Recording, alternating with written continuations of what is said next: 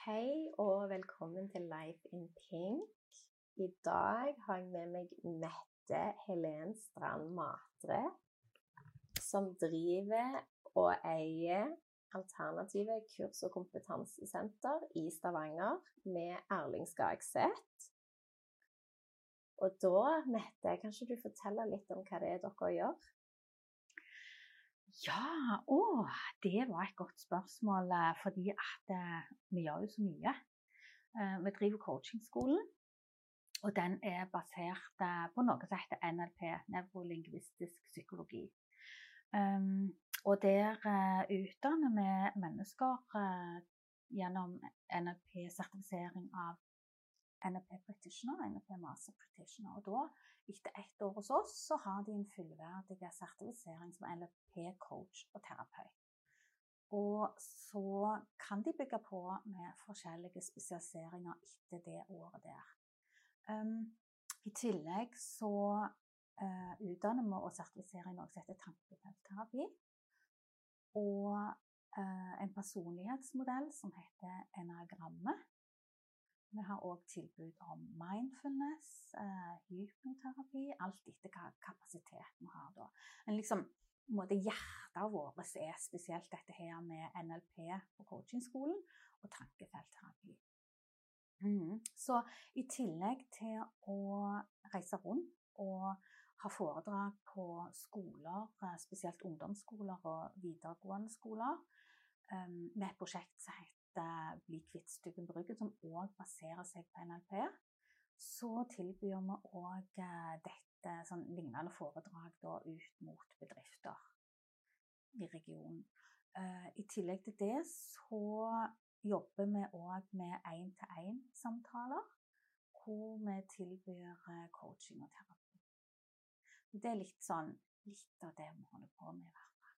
Mm. Så mye dere gjør. Ja, Så mye forskjellig. det er det. Mm. Hvordan eh, Sånn én-til-én-samtaler med terapi og coaching, hvordan ville det sett ut hvis jeg ville kommet til deg, f.eks.? Mhm. Ja.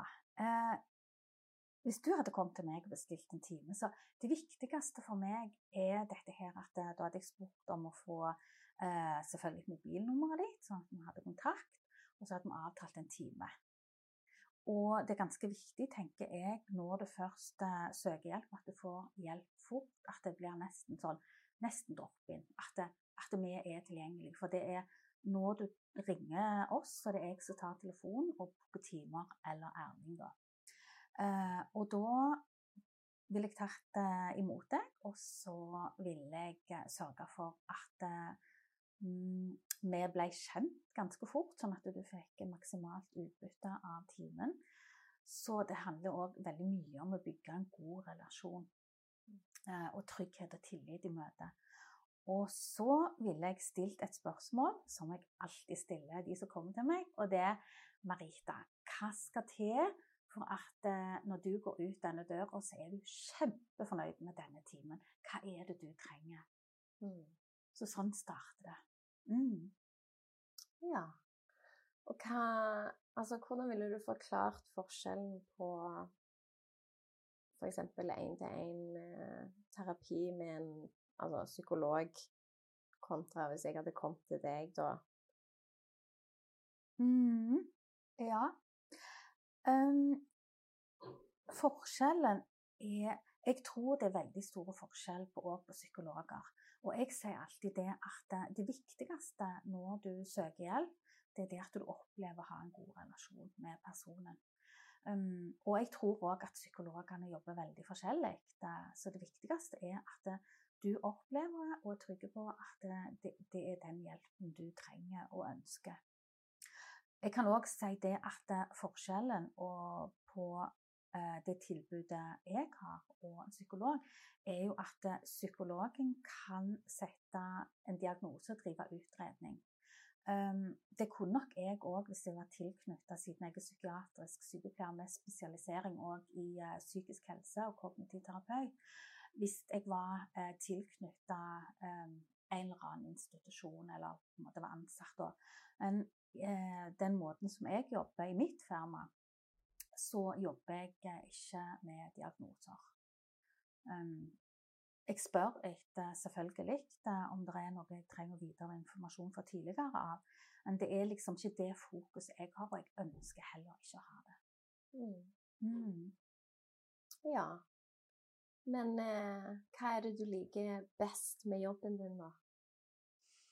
Å, det jeg eh, liker aller best, det er jo um, Jeg syns det er utrolig spennende å jobbe med psykisk helse. Og jeg tenker når du kommer, Hvis du hadde kommet til meg ikke sant, i denne timen jeg hadde stilt deg det spørsmålet, så hadde jeg òg sagt dette her, at nå skal meg og deg eh, i samarbeid eh, være nysgjerrige på hva er det på en måte som er vanskelig for deg, og, og hvordan, hva trenger du på en måte for å ha det bedre. Um, og, og, jeg tror jeg liksom jeg, jeg, eh, den nysgjerrigheten den har jeg alltid med meg. Sånn at hver eneste dag så gleder jeg meg til å gå på jobb. Jeg syns hvert et møte mennesker eh, med de som kommer til meg da, er så utrolig spennende.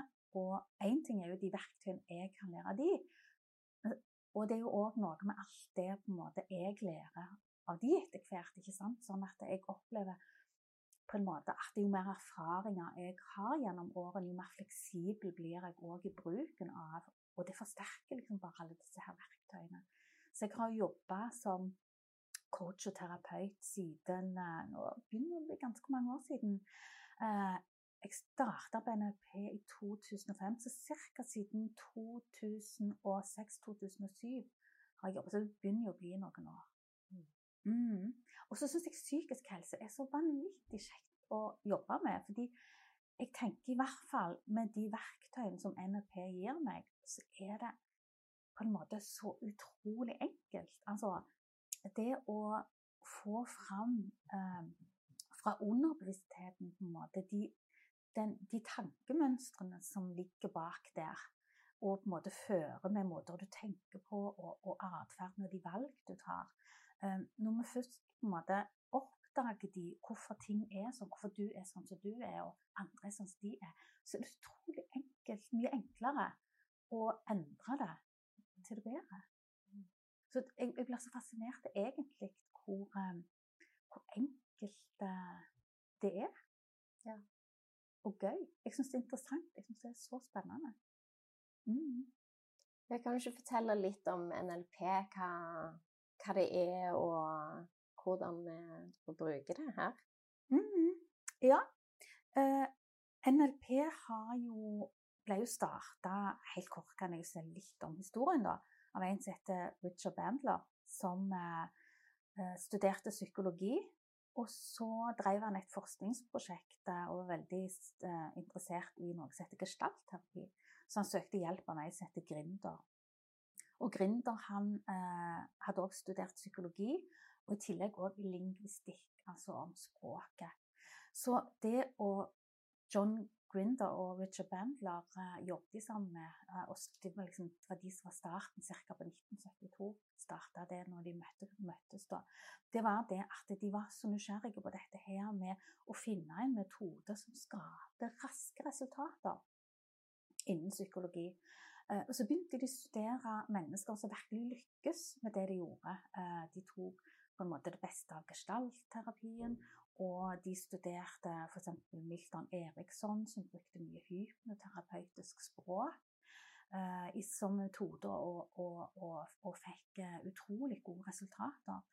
Og så satt de inn og så lagde de helt enkle modeller av dette innen dette her med personlig utvikling.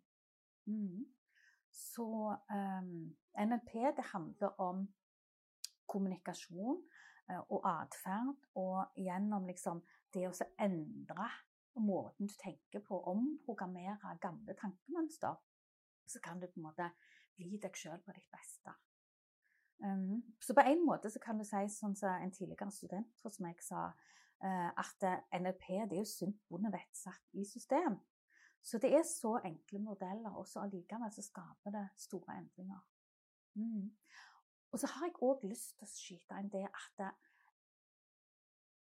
på en måte, etter å ha jobba med dette, eh, så har jeg jo òg tilegna meg mye måte, kunnskap innen moderne psykologi. ikke sant? Hva som er på en måte eh, eh, Hva er de nye oppdagelsene innen forskning, f.eks. For Og det er litt sånn Det som Richard Bandler starta da i ca. 1972, det er helt i tråd med den nye forskning. Bare det at de bruker andre ord og, eh, på begrepene. Og f.eks. dette her med eh, betydningen av innenfra-perspektivet, som skal komme litt inn på eh, seinere nå i dag. Og dette her at vi alle har vår egen livsverden. Og betydningen av relasjon mellom terapeut og klient. Dette med psykoedukasjon, altså at du skal lære andre å ivareta seg sjøl med, med, enkle forklaringer. Dette med likeverdighet og samarbeid mellom terapeut og, og klient. Og ikke minst dette her med salutogeneseperspektivet, som høres veldig sånn fint og flott ut. Men hvis du tenker på at salutogenese det er det omvendte av partogenese, og partogenese er det på en måte det eh, som på en måte var fokus på tidligere. Hva er det som gjør oss syke? Men i salutogeneseperspektivet, altså moderne, mer moderne tanke, da, så handler det mye mer om å få fram det friske og konsentrere seg om det. Og jeg tenker det er så utrolig tenker på at det gjorde jo Det starta Richard Bandler med i 1972. Og stadig så kommer det ny forskning som på en måte bekrefter at det, at det, det er liksom den rette veien å gå. Ja. Mm. Kanskje du snakker litt om eh, f.eks. Eh, dette med modell av verden. Mm som var en av de tingene du nevnte? Å, det kan jeg godt.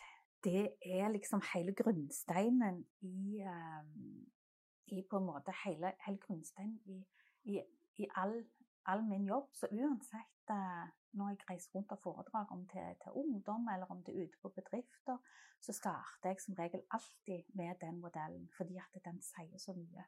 Mm. Og jeg vet ikke, jeg, Marita, om du noen gang har tenkt på hvorfor du er sånn som du er, og andre er sånn som de er, om det kunne vært litt greit å vite? Ja, det har jeg nok tenkt på mange ganger. ja. Og hva, hva, tenker du om det? Liksom, hva Nei, altså nå har jo jeg vært på NLP-kurs hos deg, så eh, Nei, det, det er egentlig litt rart, for det, at det er et godt spørsmål. De fleste har jo tenkt den tanken. Gjerne at de føler seg annerledes, eller bare noe så enkelt som at altså, alle er forskjellige. Mm. Um, og jeg syns jo dette med modell av verden, selv om det er veldig enkelt å, å, forklare, så er det gjerne ikke noe du har tenkt på på den måten. Dette her med at ja, vi er faktisk alle forskjellige. Og det kan ha med sant? Vi har alle levd et liv, og vi har alle forskjellige erfaringer. Og at en, en tolkning jeg har, kan være helt annerledes for alle andre som ser, sant? eller sier at jeg sier ja, nei, nå så jeg eh, noen som satt der, og hun, hun var lei seg. Og så sier gjerne personen ved siden av meg at ja, er det hun du snakker om? Nei, hun er jo ikke lei seg, hun ser jo bare sliten ut, for eksempel. Og da er det liksom det der med at eh, jeg ser én ting, og noen andre ser noe annet.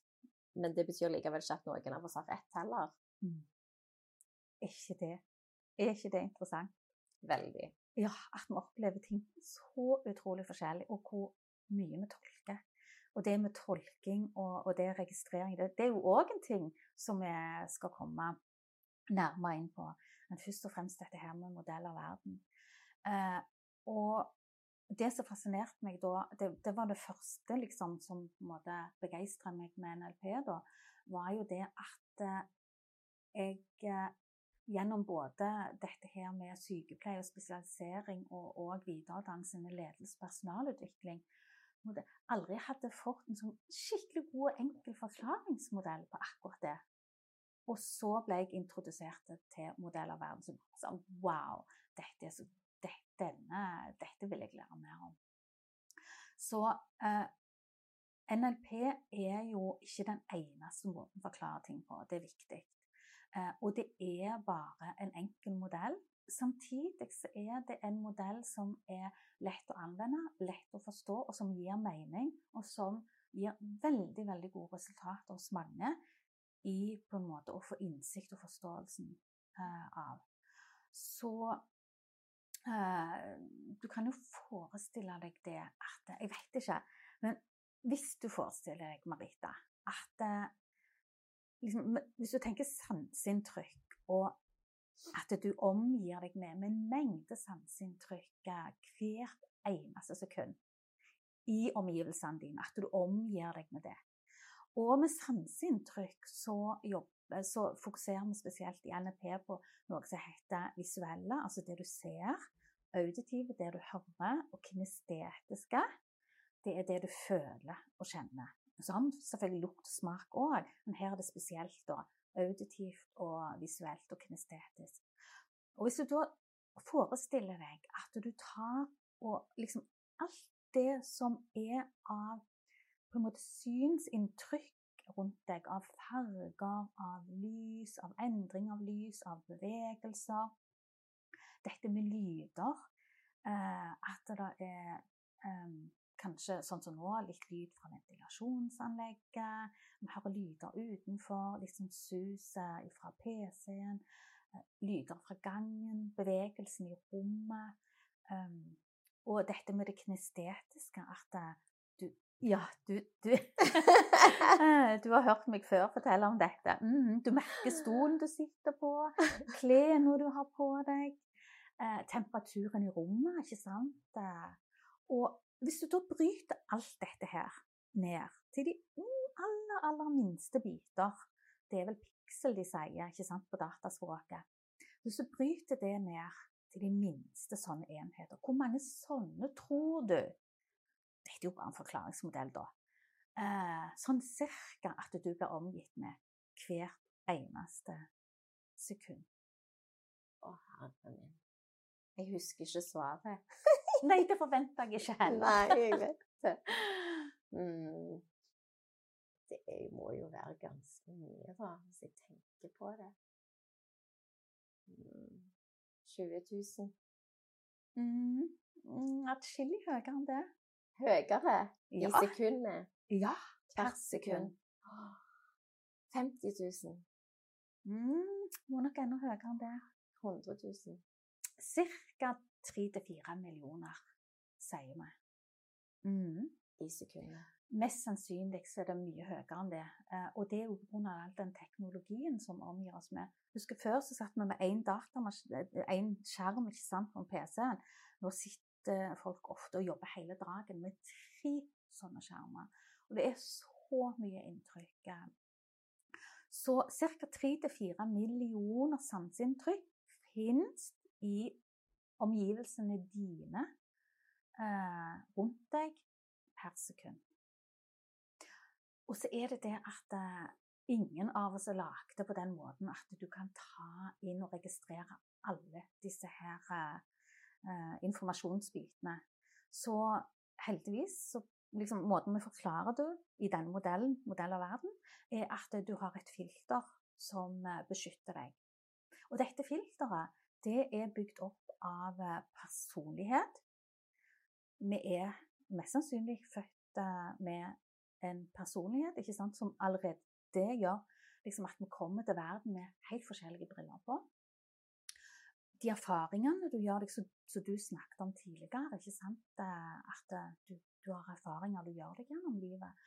Og det kommer jo av miljøet du vokste opp i, familien, lærere, skolemiljø, mange sånne forskjellige ting, da. Uh, og de verdiene som er viktige for deg. Så det, så det er liksom på en måte måten filteret er bygd opp av, som påvirker. Og dette filteret, det generaliserer, vil si at det er informasjon som går inn, det, det, går ganske fort når det er noe du kjenner fra før av. Da oppfatter du det fort, kan du si. Så at du slipper å tenke tanken på ny hver gang og finne ut hva ting er. Eh, og det andre er jo at det forvrenger. Litt sånn som du sa så godt eksempelvis innledningsvis, at du tolker, ikke sant, og kanskje opplever det annerledes enn det det virkelig er. Og ikke minst, og kanskje viktigst, at det utelater mesteparten av alle disse inntrykkene. Så i denne modellen sånn cirka sier vi det at det er Hvor mange tror du? Nå skal vi få lov til å gjette igjen. Hvor mange av tre til fire millioner sånn cirka tror du at systemet ditt er i stand til å registrere bevisst? Å, herre min, jeg tror ikke jeg vil vite det engang. Nei. Jeg trenger ikke si det hvis du ikke vil. Jo um, Det høres ut.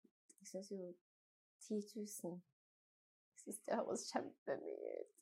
Ja, det hadde nok blitt ganske kaotisk hvis du hadde registrert så mye som 10 000. Vi sier sånn ca. syv stykk av tre til fire millioner, sånn pluss-minus, ikke sant? Fordi ingen sånn spesifikke uh, uh, tall å vise til det, men sånn ca. syv stykk tar du inn. Og andre inn. Og av de syv informasjonsbitene mm. ikke sant, som du tar inn i det sekundet uh, Forestill deg f.eks. For hvis du er på et foredrag og der sitter 100 mennesker i salen. ikke sant? Og hver av disse, og kanskje hører på meg, ikke mm. sant? fortelle om uh, NLP. Så er det sånn at hver og en av disse tar inn syv informasjonsbilder og registrerer av tre til fire millioner. Hvor mange tror du det finnes mennesker da som tar inn de samme syv? Sikkert ingen. Mest sannsynlig så er ingen som tar inn de samme syv. Og det er klart, når du sitter der ikke sant, og, tar og, og, liksom, og, og registrerer da ca. syv stykk, så er jo det din opplevelse at det, sånn er dette øyeblikket, dette er din virkelighet. Mm. Og så sitter det liksom hundre andre og tar inn helt andre ting. Det er fascinerende, syns jeg. Mm. Så vi pleier å si det at det, det finnes ikke to mennesker mest sannsynlig i verden som tar inn akkurat de samme, og, og dermed registrerer øyeblikkene likt. Og det er klart, etter hvert som du vokser og utvikler deg, så gjør du deg forskjellige erfaringer. Livet består av mange, mange sånne øyeblikk. Så etter hvert så lager du deg, på grunn av det du tar inn, ikke sant, en overbevisning i forhold til deg sjøl og verden rundt deg. Um, om hvordan ting er, som mange ganger er like sanne for deg som at ild brenner. Mm. Og noen av de overbevisningene de er gode for deg, de er støttende. Mens andre holder deg tilbake. Mm. Og mye av dette skjer på det ubevisste planet. Det vil si at det er noe du klar over, og noe ligger der og er ganske skjult for deg. Det vil si at det, kanskje du Jeg vet ikke om du har opplevd noen gang at du er i en situasjon som uh, gjør at, uh, at du på en måte holder deg sjøl tilbake. At du liksom Du vet ikke helt hva det er, men liksom sånn Du håndterer ikke situasjonen godt, ikke sant? Fordi du blir usikker eller redd eller er et eller annet. Mm. Ja.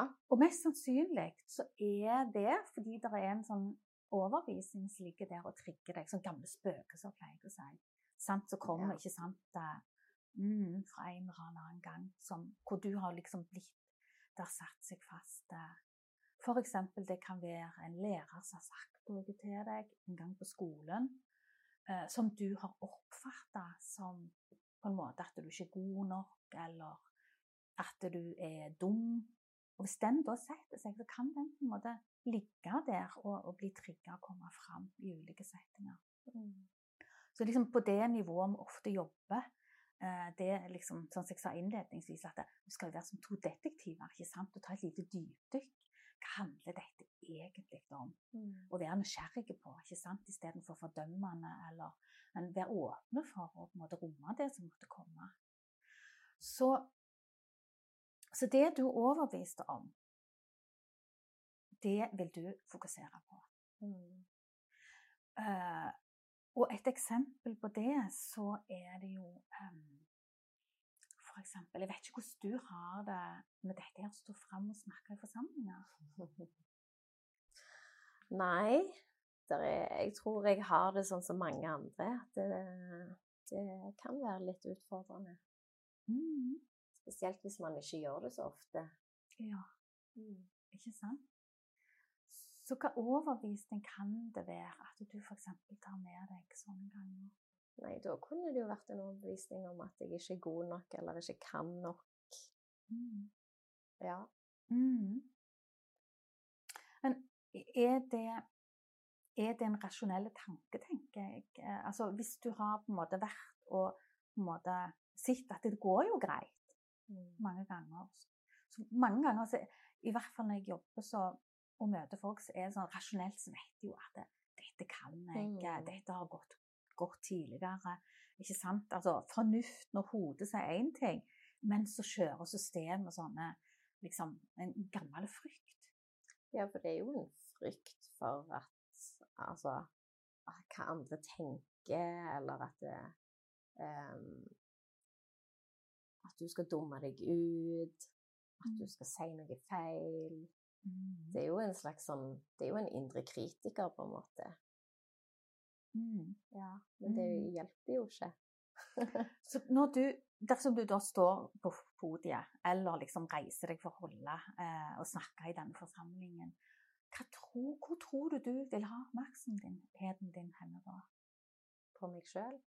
Mm. Og, og liksom hva, hva måte da på? Nei, jeg hadde vel hatt en del av de her dårlige overbevisningene, da. Så jeg hadde sikkert vært ganske stressa. Mm. Mm. Mm. Og hva, hvor hadde du hatt oppmerksomhet? Hva er det liksom du er redd for da? Å ja, sånn, ja. Nei, oppmerksomheten min hadde vel vært på alle som satt og så på. Mm. Ja. Mm. ja. Hvordan tror du det hadde oppfatta deg? Nei, da hadde jeg vel analysert eh, Altså hvis jeg skulle Det er vel litt sånn at hvis man har en, eh, en eh, dårlig overbevisning eller en sånn indre kritiker som sier at eh, Og de syns at det jeg sier er teit, eller de kjeder seg, eller samme Altså kan være mye. Men eh, da hadde jeg nok eh, analysert eh, hva skal jeg si, folkemengden og sett om det var noen ansiktsuttrykk eller eh, kroppsholdninger eller et eller annet som støtter det, da. Ja. Ja, ikke det rart? Altså sånn, jeg ser han ser jo sur ut, og han ser ut som han kjeder seg, eller Ja. han ser ut som han rynker litt på nesen, og hun fniser. Altså, Mm, mm, de ler av meg, eller mm. Ja. Fordi at du har en frykt liksom, for ikke å være god nok. Mm. Ikke sant? Og så ser du på en måte ut etter det som kan bekrefte det. Ikke sant? Så du har oppmerksomheten din på det som kan bekrefte på at, det- at det, det blir mislykka, eller at det ikke er godt nok, du er ikke god nok.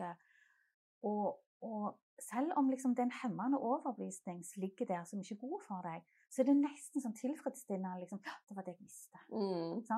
Dette gjør jeg jo aldri igjen. Selvoppfyllende profeti. Ikke sant vel? Mm. Og, så, og da er det jo lett på en måte å miste grepet, ikke sant? Og, og liksom miste konsentrasjon og fokus på det du skal formidle. Så, så det også på en måte Forestill deg da at du går med og jobber med disse overvisningene og er bevisst på det og tenker at liksom sånn hva kunne en god overvisning være, for eksempel? Som du ønsket å bytte ut og ta med deg inn isteden? At de er der for å høre på meg av en grunn. Mm. Fordi at jeg er god på det som jeg gjør. Ja. At jeg er trygg. Mm. Og så er jeg litt sånn Jeg har jo hatt mye sånne tanker før, men eh, det er litt det der eh, Og det er ikke lett, men eh, sånn klare å snu perspektivet. For før så Jeg skulle til å si Jeg pleier å si til meg sjøl hva er det verste som kan skje. Mm. Men før så var det mer en sånn katastrofetanke sånn Det er det verste som kan skje. og så bare ferdig med det og stresse over det. Men nå er jeg litt mer sånn OK, hva er det verste som kan skje? Ja, OK, det er dette. Ja, og hvis det skjer, da? Det er ikke verdens undergang. Mm. Og da blir det mer en sånn støttende, for da er det sånn OK, nå har jeg gått inn og sett på at OK, Mm. dette kan skje.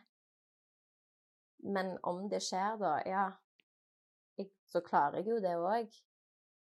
Og da blir, det, da blir han ikke så farlig, og da ligger han ikke der og, og trykker sånn på den måten heller, for da har jeg på en måte nesten svart han.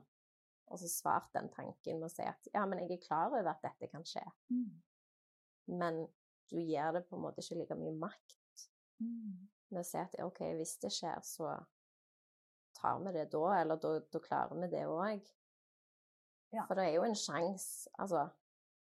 Men det er òg en sjanse for at det går veldig bra. Mm. Det er jo det. eh, Og, og jeg syns det er så fint når du sier dette her med at um, ikke bare tenke positivt, men tenke liksom hva er det verste som kan skje. Og så finne en overbevisning på at jeg skal gjøre mitt beste, og så får det være godt nok. Det er ikke sikkert det blir sånn eh, helt over. Det er alltid et eller annet som regel. ikke sant? Så du tenker liksom, dette skal jeg gjøre bedre til neste gang.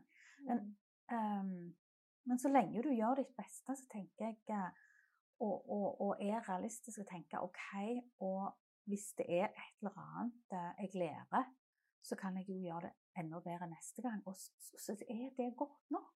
At, eh, at du ikke er så redd liksom de der følelsene av eh, frykt eller angst eller stress. eh, og så tenker jeg liksom sånn Ja, ja, OK, det kommer til å skittle litt i magen, så klarer jeg det òg. Så istedenfor å tenke eh, dette kommer jeg aldri til å klare, jeg er ikke god nok. ikke sant? Og det, Mm. det er jo ofte tema i timene, nettopp både hos ungdom og voksne. Um, og det å snu det til at eh, um, jeg gjør mitt beste, og så får det faktisk være godt nok, og så lærer jeg noe av det. Det kan være en sånn god overbevisning å ta med og minne seg sjøl på. Og når du da står med den overbevisningen, ikke sant, og har valgt den gode som gir deg trygghet, som du sa, at mm, ja, jeg gjør mitt beste, og så får det være godt nok. Og, og eh, jeg er jo her fordi at de vil høre på meg. Jeg har et eller annet som ikke de Jeg har en kompetanse på noe, eller har noe å lære vekk. Ikke sant? Så hvordan vil du da oppleve det? Hva vil du da se etter, tror du? Nei, da ville du jo heller sett etter eh, overbevisninger som støtter Mm.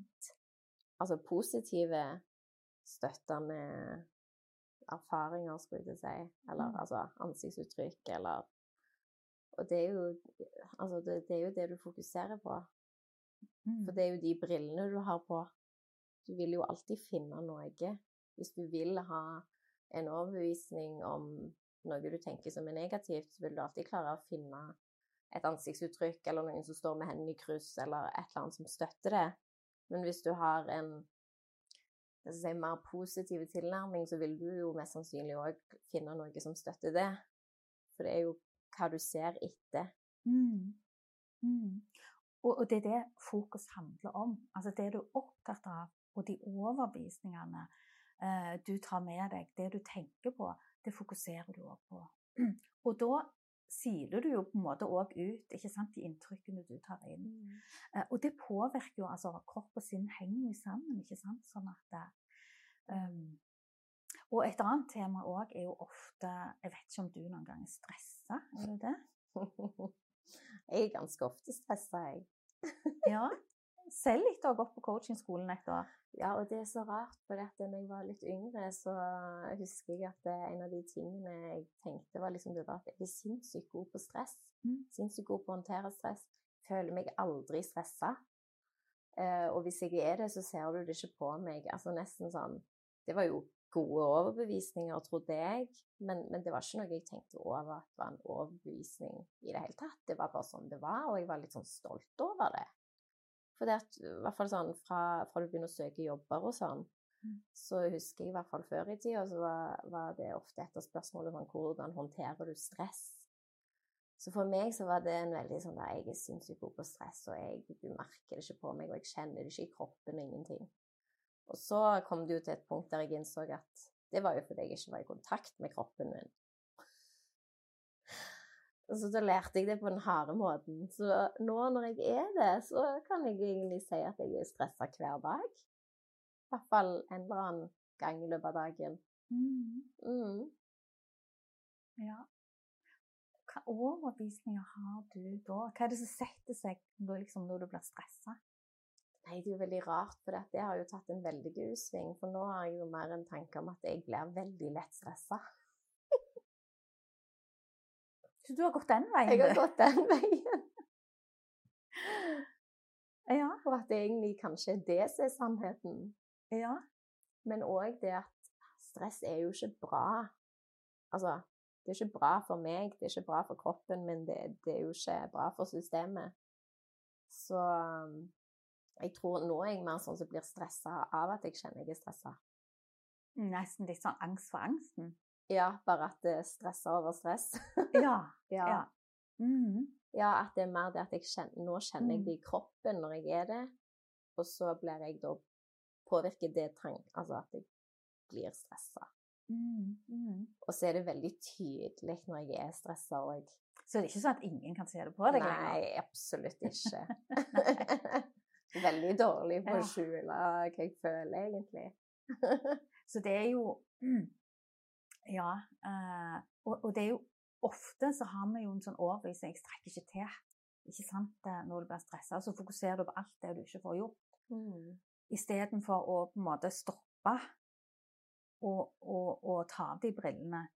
Og heller registrere det du faktisk klarer å gjøre, og tenke OK, pust i magen. Én ting om gangen. Ikke sant? Sånn at du på en måte klarer å snu den. Mm. Mm. Det er så løye at du sier det nå, for det at jeg har vært faktisk mer enn normalt stressa i det siste, da. Og så eh, har jeg følt litt sånn der Ja, som du sier, at du, du rekker ikke overalt. Og egentlig så føler jeg vel at det er litt for mye som skjer.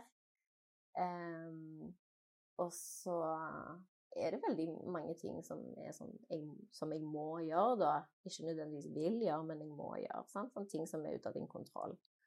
Em, og så tenkte jeg eh, Jeg bare husker det så godt, fordi at eh, jeg sa det til en kollega, så sier jeg sånn Egentlig så føler jeg at eh, eh, døgnet har ikke nok timer. Og jeg har vel egentlig aldri helt forstått når andre sier det. Um, men nå, nå, sjek, nå sjekker jeg av bokser i hodet mitt. Så, så på en eller annen måte så har jeg jo klart likevel å gjøre det, eller prøve i hvert fall, å ha en sånn positiv tilnærming til det. At istedenfor at jeg da sa til hun at ja, men jeg har fortsatt dette og dette og dette å gjøre, så sier jeg ja, men i dag har jeg gjort det, så nå, jeg kryss, nå krysser jeg av den. Og så liksom får vi ta det andre. Men jeg, jeg fokuserte ikke på det. Mm. Mm. Det var sånn Nå har jeg krysset av en ting. Mm. Det var liksom der jeg var da. Ja. Så tenkte jeg det, det, var- det var bra gjort. Det, Ja. Det var jo egentlig en bra ting. ja. Og det er jo en god strategi. Ja. Ja. Tenker jeg Og liksom å rydde litt i hodet og i bokser, ikke sant. OK, sjekk, ikke sant. Det har jeg gjort. Mm. Det var bra. Wow. Ja, for det, mm. da kjente jeg det på kroppen òg, at liksom OK, men nå har jeg faktisk en mindre ting. Ja. Det å gjøre det til en litt større ting, altså, eller å Mhm. gjøre den tanken om at jeg har en mindre ting å gjøre, om til noe stort, Mm. altså sånn, Mm. det er kjempebra. Mm. Det er faktisk en mindre ting. Mm. Mm.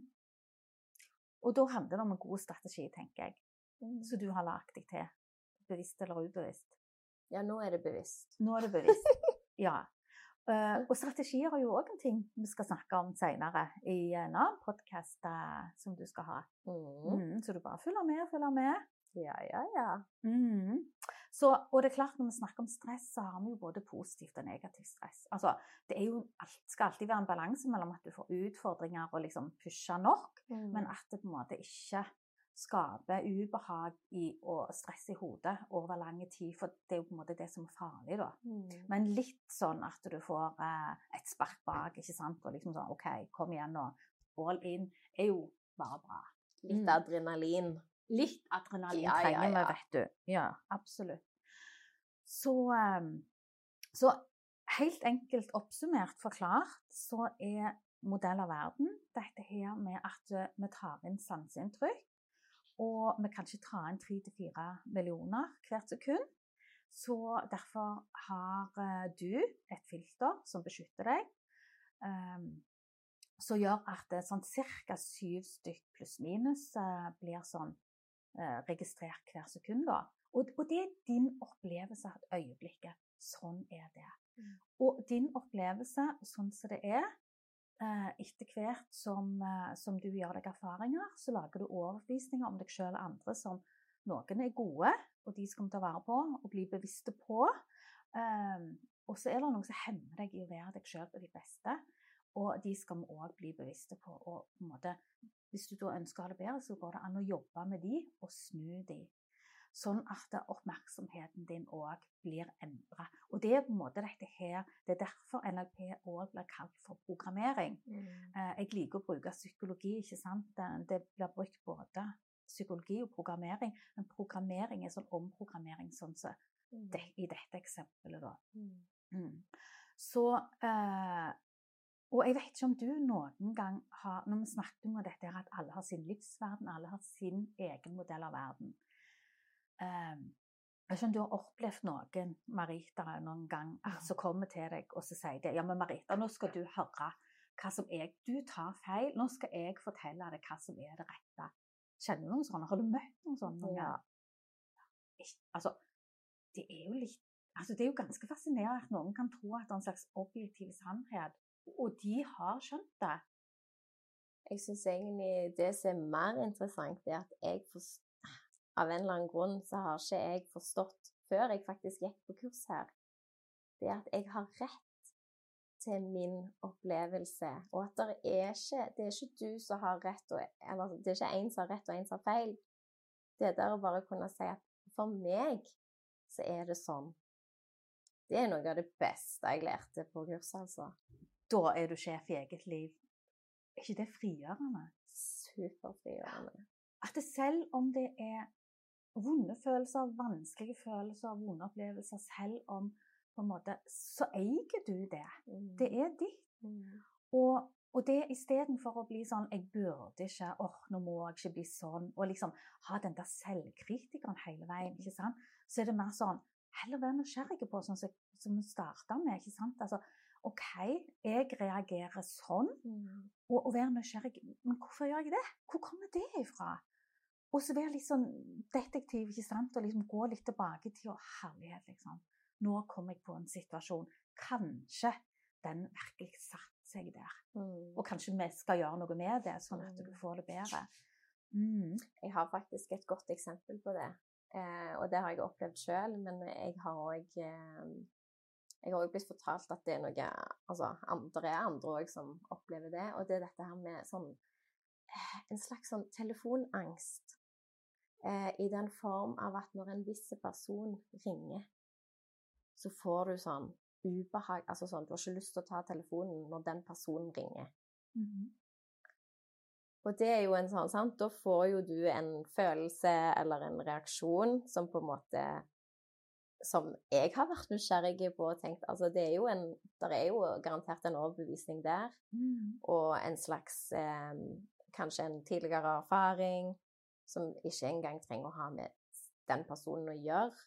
Noen mm. får det jo bare generelt av at det ringer. Men hvis det er en spesifikk person, så er det jo gjerne mer naturlig at det gjelder den personen, da. Mm. Men eh, det har jeg tenkt mye på. Og så eh, ja, for jeg har opplevd det tidligere, og da, da, måtte jeg jo på en måte sette meg ned og tenke OK, men hva er dette? Hvor kommer det fra? Mm. Altså sånn mm. For når kroppen gir beskjed, så er det jo for en grunn. Og liksom det at det kan skje så fort, sånn som du sier, med sånn, sanseinntrykk, eller du kan bare se et navn, og så bare boff, mm. kommer liksom den følelsen. Ja. Det er jo veldig interessant, da. Det er jo kjempeinteressant. Når du er inne på det, hvor, hvor kommer de følelsene fra, da?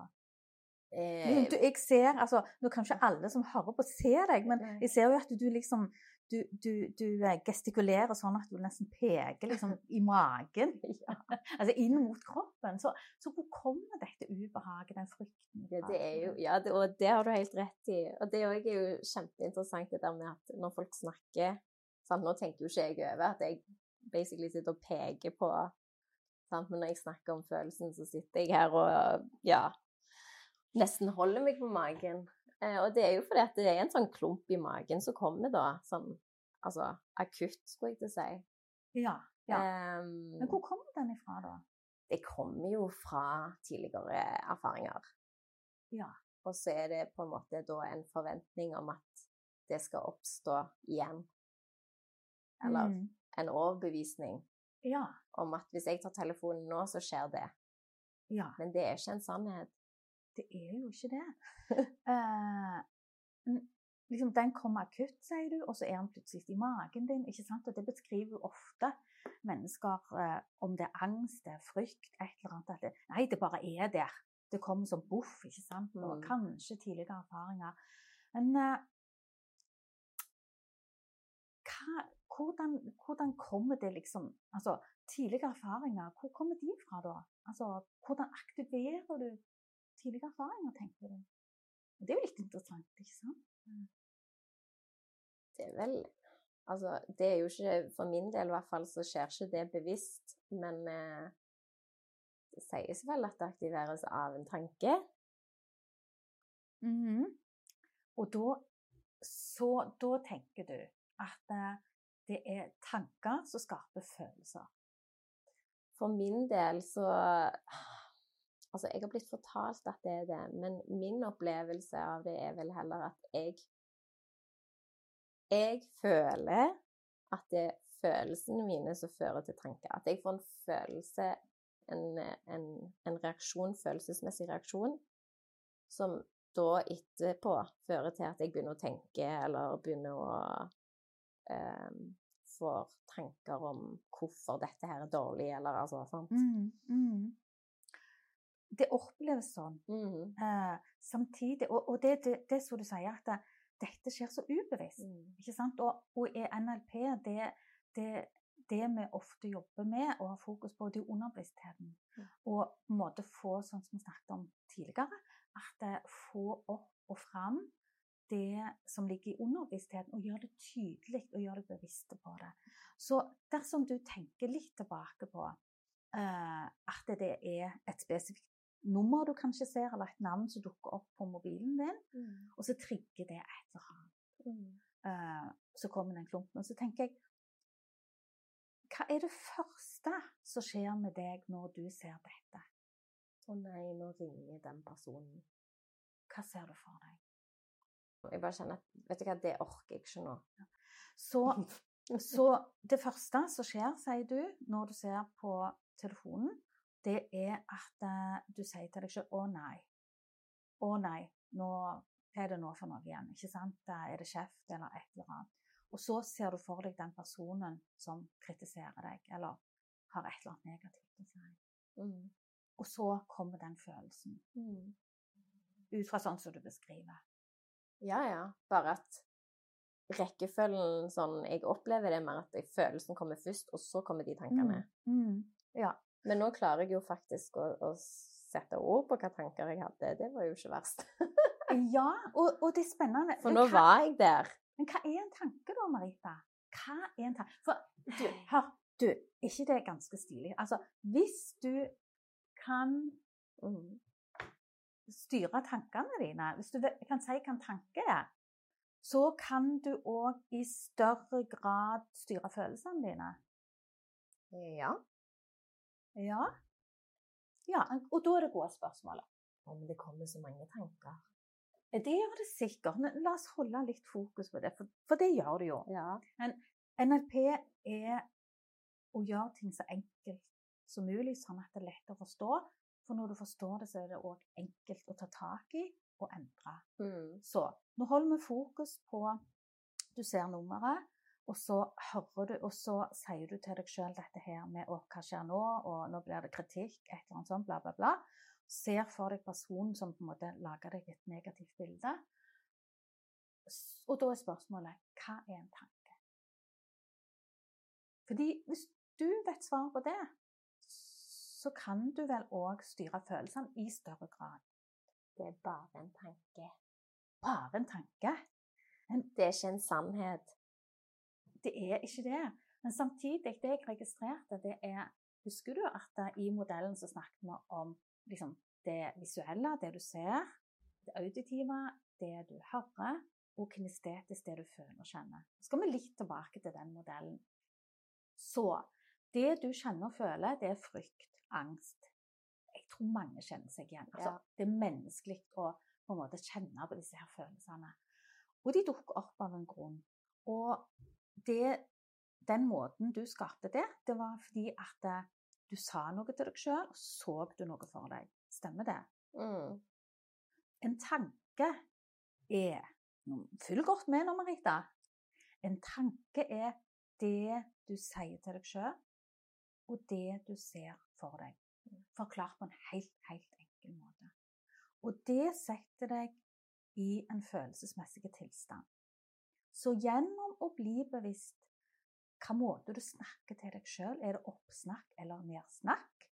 Gjennom å være bevisst hva scenario du lager i hodet ditt, så kan du òg jobbe deg til å bli mer robust følelsesmessig. Gir det mening? Mm. Så enkelt er det faktisk. Mm. Det krever selvfølgelig trening. Mm. Og det er jo mental trening som eh, Trener du på treningssenter? Ja. Ja, du gjør det. Kan du forestille deg at du går inn der for første gang, og så tar du liksom det, noe sånn skikkelig sånn tunge apparat, og så skal du begynne med det. Hvor slitsomt det er. Ja. Mm, Husker du hvordan det var? ja Det er så lenge siden. ja. Så nå er det sikkert lett for deg, ikke sant? Det er ikke alt. Jeg gjør jo av og til nye ting, da. Mm. Så ja. Så når du gjør de nye tingene, så er det veldig tungt til å begynne med, ikke sant? Ja. Og så blir det lettere og lettere fordi du bygger muskler. Mm. Og det er litt sånn på en måte eh, eh, Vi virker sånn rent psykologisk òg, ikke sant? At det, når du trener på en ting mentalt, så blir det lettere og lettere, og så blir du mer og mer robust. Mm. Mm. Så tilbake til den modellen av verden. Én ting er jo dette her å ha respekt for andre sin modell av verden. Når du kommer til time hos meg, så vil jeg lytte til deg, så vil jeg ta deg på alvor. Fordi det du forteller meg, det er din opplevelse, den eier du. Jeg mener og tenker ingenting om det. Jeg prøver alt jeg kan å på en måte eh, gå inn og få mest mulig opplevelse av din måte å oppleve ting på, og er nysgjerrig på den. Um, så liksom, den første forutsetningen NRP nå skal jobbe med det, er respekt for andre sin modell av verden. Og det andre er sånn som du sa, at du eier ditt. Ikke minst så ønsker jeg at du skal ha respekt for din egen modell av verden, og respektere den. Og hvis den ikke oppleves god i, i ulike situasjoner, da, så vær nysgjerrig på og vit at det går det an å gjøre noe med. Og det er der NLP er en sånn utrolig god verktøykasse av eh, et sett med, med enkle metoder til selvhjelp. Og de er veldig spesifikke, og de er enkle i bruk. Og de er veldig anvendelige. Mm. Mm. Så nå har vi snakket om modell av verden, hvor forskjellige vi er, og det finnes ingen objektiv sannhet. Det finnes kun individuelle opplevelser. Mm. Og det betyr at du eier din sannhet, og har du det ikke bra, så går det an å jobbe med det bevisst. Eh, sammen med en NLP-terapeut, f.eks., eller om at du lytter til denne podkasten. Eh, og måte tenke at For det eneste du trenger eh, for å få hjelp, det er jo et virkelig ønske om å ha det bedre. Mm. Og da er det mulig. For du har alle de ressursene du trenger for å gjøre de endringene som er viktige for deg. Mm. Så eh, ja. Ja. Da tror jeg vi er ferdige for i dag. Ja. Ja. Og så gleder jeg meg til å høre mer eh, i neste episode. Ja, og jeg gleder meg til å komme tilbake. Og jeg håper alle de som lytter, har hatt eh, utbytte og ta med dette videre. Og hvis jeg skulle gitt en oppgave, og det kan du òg gjøre, Marita, det er jo det å etter denne podkasten eller å lytte til denne, sette deg ned, kanskje skrive ned ti hemmende overbevisninger som du på en måte finner ut som du har båret med deg, og heller snu de om til noen som er gode. Mm. Mm. Det er en veldig god oppgave. Lykke til.